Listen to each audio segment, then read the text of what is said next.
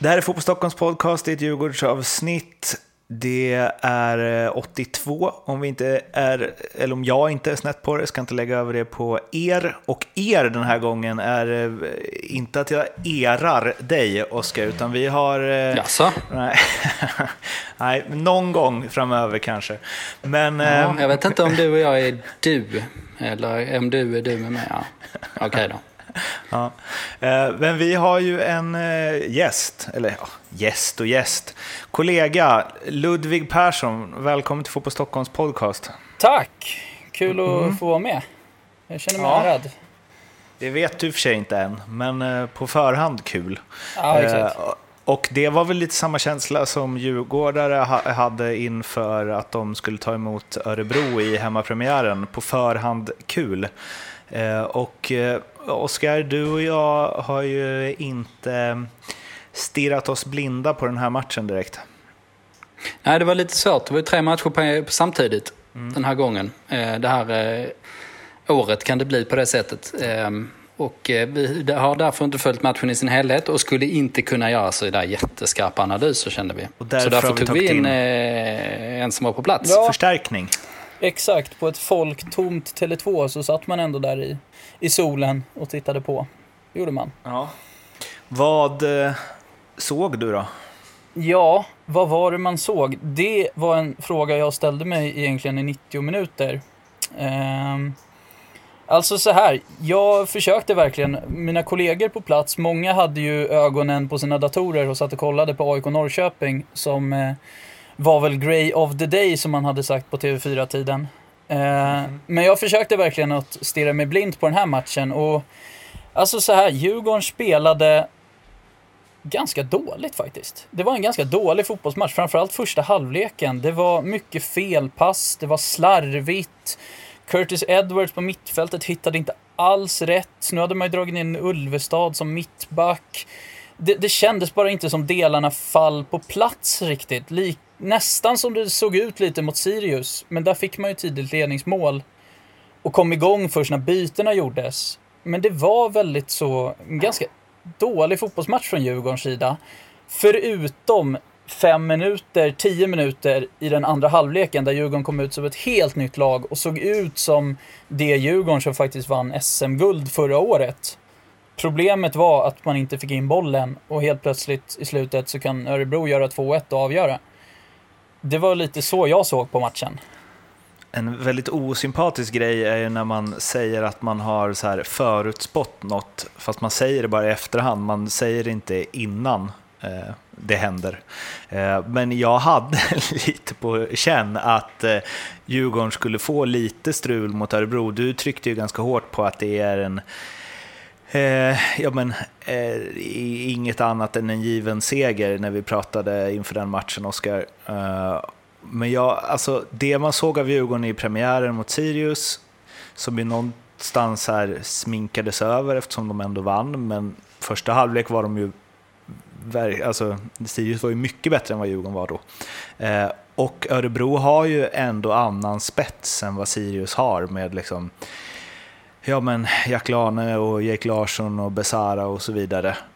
Så att de skulle ställa till mer problem för Djurgården än vad Sirius gjorde ifall Djurgården skulle inte vara bättre. Eh, kanske inte var jätteförvånande. Men sen så trodde man ju förstås att Djurgården skulle vinna. Men jag vet inte eh, om Djurgården har fastnat i något dåligt de här två inledande omgångarna. Sympatiskt av dig då att du fick in dels jag visste det. Men för att väga upp det här så, du hade ju fel åtminstone, Oskar. Ja. Viktigt men, eh, att trycka ner den andra poddkollegan. Men eh, med det sagt så hade du ju, hade du rätt för att eh, det var ju precis så jag sa. Ja. Och jag tyckte också att de skulle kosta på sig att rotera en del eftersom jag tänkte att de har eh, bredd och grundkvalitet nog att eh, slå Örebro i första halvlek, eller i första halvlek i, på hemmaplan i en sån match. Och eh, Örebro, visst som du säger finns viss spets men det är ju ett undre halvan-lag. Ganska klart tror jag att de kommer hamna där i, i slutändan. Ehm, eh, och ja, premiären mot AIK lovar inte särskilt gott så eh, nej, jag var överraskad och eh, av det jag såg så är jag ju med på Luddes eh, analys. Jag, jag, fick liksom inte grepp om matchen. Jag förstod inte, jag fattade inte riktigt vad som inte funkade. Eh, kan, du, kan du förklara det Ludde mer? Nej men alltså, det man måste ändå poängtera i det här fallet, det är ju att tränarna kommer ut, eller Tolle framförallt kommer ut på presskonferensen efter och säger att vi gör allting mycket, mycket bättre än matchen mot Sirius.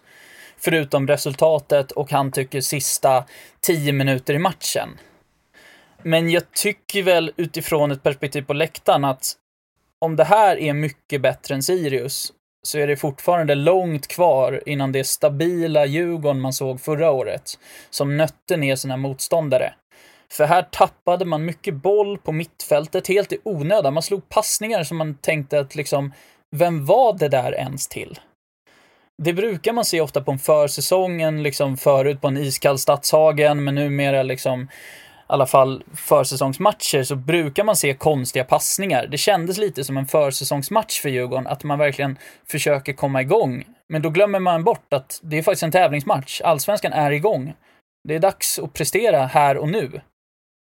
Och den här gången tycker jag faktiskt att det kostade Djurgården tre poäng. Att man var slarviga centralt i uppspelen, fick inte alls igång spelet och Örebro kunde kontra ganska mycket i första halvlek. Sen, var inte, sen ska sägas att Djurgården var det bättre laget i den här matchen, absolut. Det är inte någon som säger att de liksom, Örebro, man kan, de vann välförtjänt för de gjorde två mål. Men de vann inte välförtjänt för att de spelade bättre än Djurgården. Men är man svenska mästare och kommer med en, från en säsong där man har varit ett väldigt stabilt och bra lag så tycker jag ju att det ska kunna se bättre ut än vad det gjorde igår. En anledning till att jag trodde på vinst också, det var ju bara av den, det enkla skälet att Djurgården alltid vinner mot den typen av lag. I fjol torskade de ju fyra derbymatcher och det var det hela, på hela säsongen. Ja, tryggheten i att alltid komma upp till liksom en, en eh, tillräckligt hög nivå för att slå de sämre lagen. Eh, det var, ju, det var ju verkligen det som utmärkte Djurgården. Och de här två första matcherna då, ja men ja, det bådar inte gott alltså. För Sirius-matchen var ju i 60 minuter en riktigt eh, svag historia också. Måste man ju säga. Då var jag i och för sig ganska imponerad av Sirius totalt sett, men det var ju självklart att eh, det var hemmalaget som var bättre där. Men då... Alltså, ja. Nej, det, jag tänkte bara säga innan Oskar sa, för det man måste poängtera här, det är just de, de, de första tio minuterna av andra halvleken. Då såg man glimtar av det Djurgården vi såg förra året. Då pressade de på Örebro, Örebro fick slita rejält för att hålla tätt. Och man tänkte att nu, nu står det 1-1, men det här kommer sluta 3-1 till Djurgården. För nu skapar de chans på chans på chans. Men sen dör det ut. Och de tio minuterna, de ska Djurgården absolut ta med sig från den här matchen. För då spelade de så som Djurgården ska spela. Mm. Men det Men dog ut för snabbt. Det är intressant det här. Alltså det här är ju äh, amatörmässigt äh, känsloargument som jag kommer komma med nu. Men det som man Eh, alltså nu såg jag ju väldigt lite av den här matchen, men jag såg ju premiären. Alltså det som Djurgården, som du sa förra, förra året, Oskar, att de liksom eh, hade strul i derbyna, men annars, sådana här matcher vann de ju. När man då förlorar den första hemmamatchen mot ett lag som man verkligen ska slå, som ska vara givet att de slår. Eh, och visst, det kanske var 10-15 minuter där med mästarklass. Men redan där, och liksom Vajo, han tappade väl in en boll i alla fall. Eh, Alltså direkt där, så här, hela känslan kring det får mig att känna att så här, nej, det, det, de kommer inte bara ställa om och sen så börja, börja spela som i fjol och vinna allt från och med nu på hemmaplan. Alltså att det är för mycket, här, direkt när man börjar på det sättet med en osäkerhet i första matchen, i första hemmamatchen, saker funkar inte som det funkade i fjol det känns som att det, som att det betyder så, så jävla mycket liksom, för fortsättningen också. Eller? Mm, du, kanske, ja, du kanske är något på spåren här. Jag känner att jag famlar lite i mina analyser. Mm. Um, att man har lite på känn att, uh, att uh, så många spelare som gjorde sin livssäsong i fjol. Att risken är att, att om bara, ja vad ska man säga, en majoritet av de spelarna har lite sämre säsong i år så kan man tappa ganska mycket. Eh, det är liksom den dörren eller att eh, nej, de kommer komma upp i en kollektivt hög nivå. Liksom. Jag, kan, jag kan inte riktigt bestämma mig. Eh, men de här två matcherna jag, jag tycker, det är i alla fall inte så att man kan säga nej men det där är inga problem, de här två matcherna. Det är lite rostigt här i början och sen så, så löser det sig. Den känslan har man ju inte Nej. eh, just nu. Samtidigt så man ska inte glömma bort att det är vissa pusselbitar som kom inför, inför den här säsongen med Kujovic och Holmbergs samarbete till exempel. Ska man vara rättvis mot Djurgården så har de ju haft en försäsong utan träningsmatcher. De har inte riktigt hunnit få de här bitarna på plats. Så på något sätt måste man också ha tålamod med en sån som Kalle Holmberg, att han måste få komma in i laget och få sin roll för att kunna funka. För nu har man inte Boja längre. Nu måste anfallsspelet förändras. Och det, det förändringsarbetet har de absolut kunnat göra på träningsplanen under hela våren ostört. Men du har inte matchsituationer där du har fått träna in det här. Men, men skillnaden är ju också om du säger att liksom de hade 10 minuter där det var guldklass i, i, eh, i den här matchen och i premiären hade de väl ingen minut då det var guldklass, även om det var hyfsat stabilt i andra halvlek. Men ehm, alltså det var ju inte så att så här, Boja avgjorde matchen när Djurgården var dåliga i fjol. Alltså det var inte så mycket så. Det var mer att Djurgården var ju bra oftast. De hade en väldigt hög lägstanivå och levererade liksom ungefär samma sak match efter match. Och när man då redan har två matcher då man inte levererar det så har jag svårt att se att det är bara hipp som happ ska, ska sitta. Och att det är så här, att Vaiho eh, agerar som han gjorde på målen, framförallt ehm, eh, eh, 2-1 eh, är ju, alltså jag vet inte, det bara signalerar jag, jag, eh, eh, jag vet inte, jag kanske drar för stora, men det är så här sällan man ser en guldmålvakt slänga in en boll så att de torskar första hemmamatchen på säsongen. Alltså, man får inte de vibbarna att allt är tryggt och kommer liksom bara börja fungera. Nej, de vibbarna kan man ju få. Ehm, men det tror jag att man hade fått. Eh, alltså, jag tror om man, om man bryter ut anledningen till att man förlorar i varje enskild match så, så får man ju alltid den känslan. Alltså, ehm, det blir lite sökt sådär kanske. Sen så Buja, ja, alltså det är klart att de spelar bättre i fjol även i jämna matcher som de avgjorde. Men det fanns ju också en X-faktor där han eh, löste upp knutar. Jag tror som sagt, jag har fortsatt inte kollat upp det här, men han gjorde 15 mål i fjol och jag tror det var i 15 olika matcher. Ehm, och i ganska många avgörande. Så, eh, nej den är tuff. Ja. Å andra sidan är ju en sån som eh, Kalle Holmberg som inte visat särskilt mycket än så länge. Han, han borde ju växla upp eh, ganska snart. För det är ju en, eh, en bra spelare som... ehm, ja, det finns, det finns liksom ingenting som talar för att han inte ska vara bra den närmsta tiden. Han är en bra ålder, han har inte haft några skador, han kommer få förtroende och så vidare. Och, Det fanns också vissa intentioner från hans sida igår som visar att han kan mer. Han hade någon eh, det var strax, ja, det var väl i den första halvleken, han sög ner bollen utanför straffområdet och sköt tätt, tätt över. Den kunde lika väl ha gått i mål och sen hade vi suttit här idag och hyllat honom. Eh, så det är små saker som Djurgården måste jobba på för att få ihop det här. Men man är inte riktigt där än. Och därför blir jag lite förvånad när både Jesper Karlström och eh, Tolle går ut efteråt och säger att vi spelade väldigt bra. Slutcitat. Så, mm, de valde vinkel där, Ja. helt enkelt. så bra spelade Djurgården inte. Men det var inte dåligt. De var bättre än Örebro, men det, det är som sagt det är långt kvar till maxkapaciteten i det här laget. En spelare man eh, kan prata lite extra om i Djurgården efter den här matchen eh, är ju Niklas Bärkroth och det kan man förstå bara av att se highlights och läsa vad som sagts och skrivit efter matchen. Han spelade fram eh, Emil Kujovic till målet. Ett, eh, ja, det ser väldigt enkelt ut, kan också berott en del på Örebros försvarsspel. Och sen så efter matchen så förklarade ju Tolle att eh, anledningen till att Bärkroth hade blivit utbytt i, får rätta mig om jag har fel här, Ludde, men 60 minuten var det väl? Ja, exakt. Eh, var att eh, hans baksida börjar alltid krångla efter ungefär 70 minuter. Och det tyckte väl Bärkroth inte var något strålande uttalande direkt, vad det verkar. Nej, jag pratade med Bärkroth efteråt och jag, när jag sa till honom vad Toll hade sagt så eh, orden i sig sa ganska mycket, hans blick sa ännu mer. Så kan man väl säga. Han, var, han är ju inte alls nöjd med att hans tränare går ut och säger att han går sönder efter 70 minuter, för det, det anser han inte själv. Samtidigt som han stod och pratade med mig i intervjuzonen med lindat ben. Eh, som han själv förvisso sa var en lårkaka. Så det behöver inte alls bero på. Men eh, ja, där känns det som att eh, relationen, eller i alla fall kommunikationen mellan tränare och spelare inte är 100% just nu.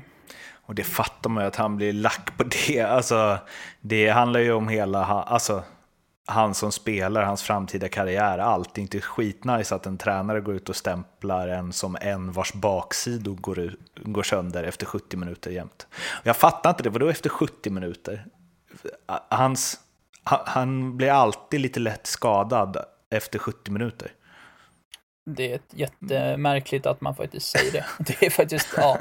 Jag vet inte vad man ska säga om det. det är, där, jag vet inte om det var en groda från Tolle som inte var medvetet eller om han fick bara en fråga om själva bytet.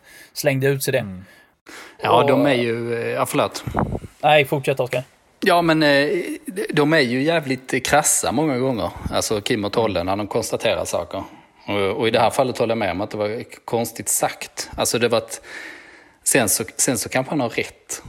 Alltså att belastningen, liksom mycket maxlöpningar och sånt. Och man vet ju muskelskador kommer nästan alltid i slutet av eh, matcherna. Alltså, an, eller antingen precis i början.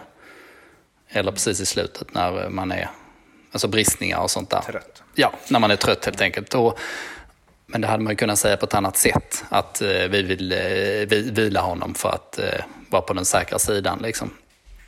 Ehm, men den relationen där, eh, sen man ska väl lägga till det att Bärkroth sa ju också att han eh, ehm, förstod att tränarna eh, ja, behöver resonera på det sättet och så vidare, att de ska vila spelare och så. Ehm, men det är ju uppenbart i vart fall att Bärkroth har inte haft det fulla förtroendet från Kim och Tolle. och jag ska, ska låta det vara osagt eh, hur mycket det har berott på skadorna och vilken form man har varit i. Men jag har i alla fall haft känslan att eh, Bärkroth inte har fått så mycket chanser som man borde.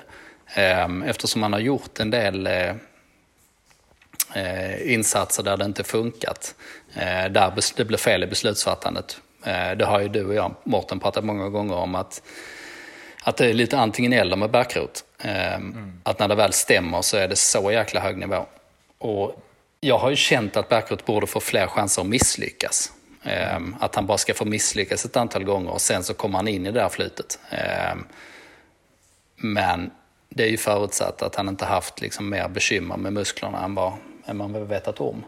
Men uh, ja, det var nog ingen slump att han blev lite trött på den kommentaren i vart fall. Det är ju också det om att han, men, att det finns mycket där när det stämmer. För vid målet eh, visar han ju det. Alltså det är super, det är, det är ett sån grej som man tänker sig, varför gör han inte alltid så? Han bara rycker förbi honom hur enkelt som helst och prickar Kujovic på huvudet. Alltså, det är ju så han ska göra, men det blir ofta lite liksom, eller ja, om han vaknar på fel sida så kanske han rycker förbi, men sen blir det en vändning extra eller han tar liksom inte beslut i rätt lägen eller så. Men jag tror också som dig Oskar, att jag tror att han behöver bara spela, spela, spela och så här, vara dålig två matcher då.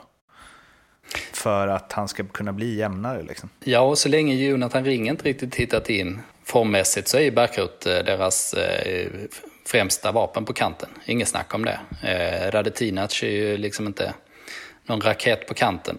Eh, och eh, Chili är ju, eh, ja tyvärr, ingenting som talar för att det smäller till där på ett bra tag. Ehm, så jag tycker Backrut liksom kvalitativt är rätt, rätt självklar etta just nu. Och han har ju bra statistik också i Djurgården, alltså om man tar poäng per spelarminut. Om vi ska prata om en spelare som jag var inne lite på nu som inte imponerade eh, var ju det Tommy Vaiho och eh, Ludde, du har en spaning där om ja, hur, hur man styr sitt lag med rösten som är lite lättare att uppfatta nu när det är tomt på läktarna. Ja, alltså jag vet inte. Jag som sagt såg inte matchen på TV utan jag var ju på plats och hörde bara. Så att jag vet inte hur mycket som gick ut i TVn. Men eh, det var ju någon, eh, det var ju vattenpaus efter en halvtimme. Då vänder sig Martin Petersson till mig eh, från Fotbollskanalen och säger det här är nog första sekunderna som Oskar Jansson är tyst. Inne på Tele2, men alltså det var, han pratade varenda sekund. Det var konstant pipa på honom. Det var ett chatter som jag aldrig hört talas om. Alltså det var så mycket skrik på den målvakten. Och styrde sitt lag i varenda detalj, varenda sekund. Och så, så blev det som kontrast med Tommy Vaiho på andra sidan. Jag vet inte om jag hörde Vaiho en enda gång alltså. Eh, alla är olika, men det var verkligen en kontrast i den här matchen. Två målvaktstyper jag hade stört mig på när jag spelar själv, kan man ju säga. Man vill ha mellantinget. Skrik lite grann när det behövs. Ja, för det är liksom när bollen är vid offensiv hörnflagga, vad finns det att skrika på som målvakt? Nej. Nej, det, ja. Nej, fy fan! alltså, Nej. Nej, det, är, det är olika sätt att liksom, han har väl kört den brittiska stilen, Oskar Jansson, från sina år i England. Jag vet inte, men det, det var verkligen eh, en, en väldigt stor skillnad igår. Måste vara Sjukt spännande. intressant också om han gör det när det är publik, för då finns det ju inte en chans att spelarna hör när de är nere vid offensiv hörnflagga. Nej, jag Det kanske är för hans egna känsla bara. Ja, precis. Det måste ju vara spännande för honom att få testa den. Eh, Men man kan ju fråga sig vad i hela världen han skulle kunna skrika som skulle kunna påverka på en hörna. Alltså, han skulle ju kunna skrika ”prestera”! Möjligtvis. Eh, Men, men, eh, men det är väl det. Eh, Ja. Är det nya Örebrosparven som vi har här? Ja, kanske. Ja. Slutligen då kring eh, eh, Djurgården, så i nästa match så väntar ju eh, IFK Norrköping, vilket ju med tanke på vad de kommer ifrån, eh, slakten eh, av AIK, eh, kanske ingen, eh, inget lag man vill eh, gästa när allt inte klaffar. Nej, det känns väl som att Djurgården skulle ju kunna haft en lite mjukare matta att landa på efter den här prestationen. Att man skulle kanske vilja ha någon lite längre ner i tabellen så man skulle kunna få igång spelet. Nu blir det ju åka av direkt mot Norrköping. Eh, inte drömschema där efter en förlust mot Örebro. Och Oskar, det kan ju bli lite minikris för klubbarna vi bevakar. Ja, men det är klart det kan bli det. Ehm, om eh, Djurgården förlorar mot Norrköping, vilket ja, det finns ju en uppenbar risk för det, för att Norrköping var ju brutalt bra mot eh, AIK. Det var inte bara att Gnaget klappade igenom som gjorde att det blev det resultatet. Hade man haft tre poäng på tre matcher, då är det ju självklart att det är jobbigt. Sen har man, efter det har man ju Kalmar hemma, sen kommer MFF borta. Ehm, och de två matcherna, just nu är det väl de tuffaste som man kan spela. Ehm, samtidigt är det ju de liksom ikoniska matcherna från i, i fjol. Det finns ju två matcher som står ut utöver över alla andra i fjol. Och det var ju MFF borta 1-0 och Norrköping borta 2-2 i sista omgången. Så kanske, kanske skönt att ha dem. Ja, när man har dem rätt färskt ändå i, på näthinnan. Det återstår att eh, se. Det var det för det här Djurgårdsavsnittet. Ni når oss på Twitter, och Instagram och Facebook. Det vet vi. Och så får vi väl se Ludde när du får äran att gästa nästa gång. Ja, jag står på en väntlista. Ja, skötte du bra tycker jag. Ja, Eller det var- Oskar? Absolut. Ja, Godkänt i alla fall. Han är stabil. han är stabil. Vi hörs igen inom kort. Må fint. Hej då! Hej. Ciao.